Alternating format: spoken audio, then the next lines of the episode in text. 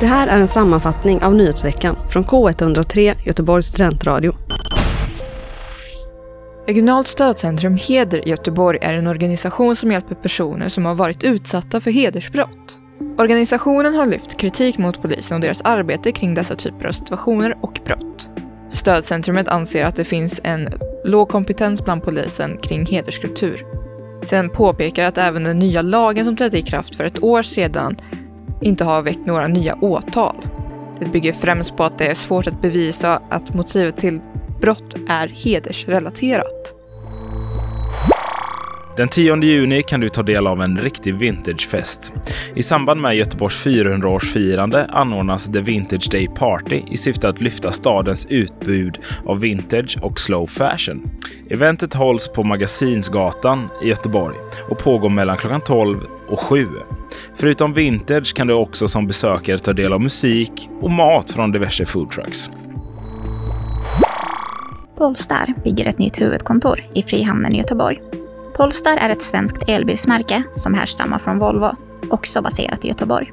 Det nya huvudkontoret kommer att ha bland annat forsknings och utvecklingscenter.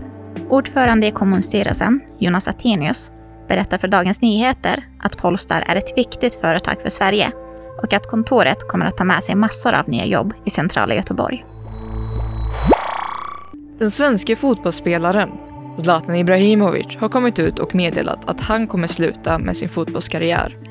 Under presskonferensen förklarade Ibrahimovic hur han inte hade berättat detta för någon utan ville få ut nyheten till alla på en och samma gång. Han tackade svenska landslaget och diverse lag han har spelat med under sin karriär. Röda Stens konsthall kommer i sommar anordna en sommarutställning. En vernissage inleder utställningen den 10 juni och sedan fortsätter den till och med den 27 augusti. Det som ställer ut är fyra konstnärer som beskrivs ha vitt skilda uttryckssätt och idéer, men som samtidigt förenas av sitt feministiska förhållningssätt. På plats kan du ta del av olika konstformer som performance, dance, teckning, skulptur och olika installationer. Mer information om innehåll och tema kan du hitta på göteborg.com eller rödastenskonsthall.se. En mindre skogsbrand bröt ut i Frölunda på morgonen den 5 juni. Det gällde ett skogsområde i Önnered och räddningstjänsten lyckades släcka branden på drygt en timme. Sveriges meteorologiska och hydrologiska institut har utfärdat varning för skogsbrand i Götaland och stora delar av Svealand tills vidare. Risken för skogsbränder uppskattas vara mycket stor.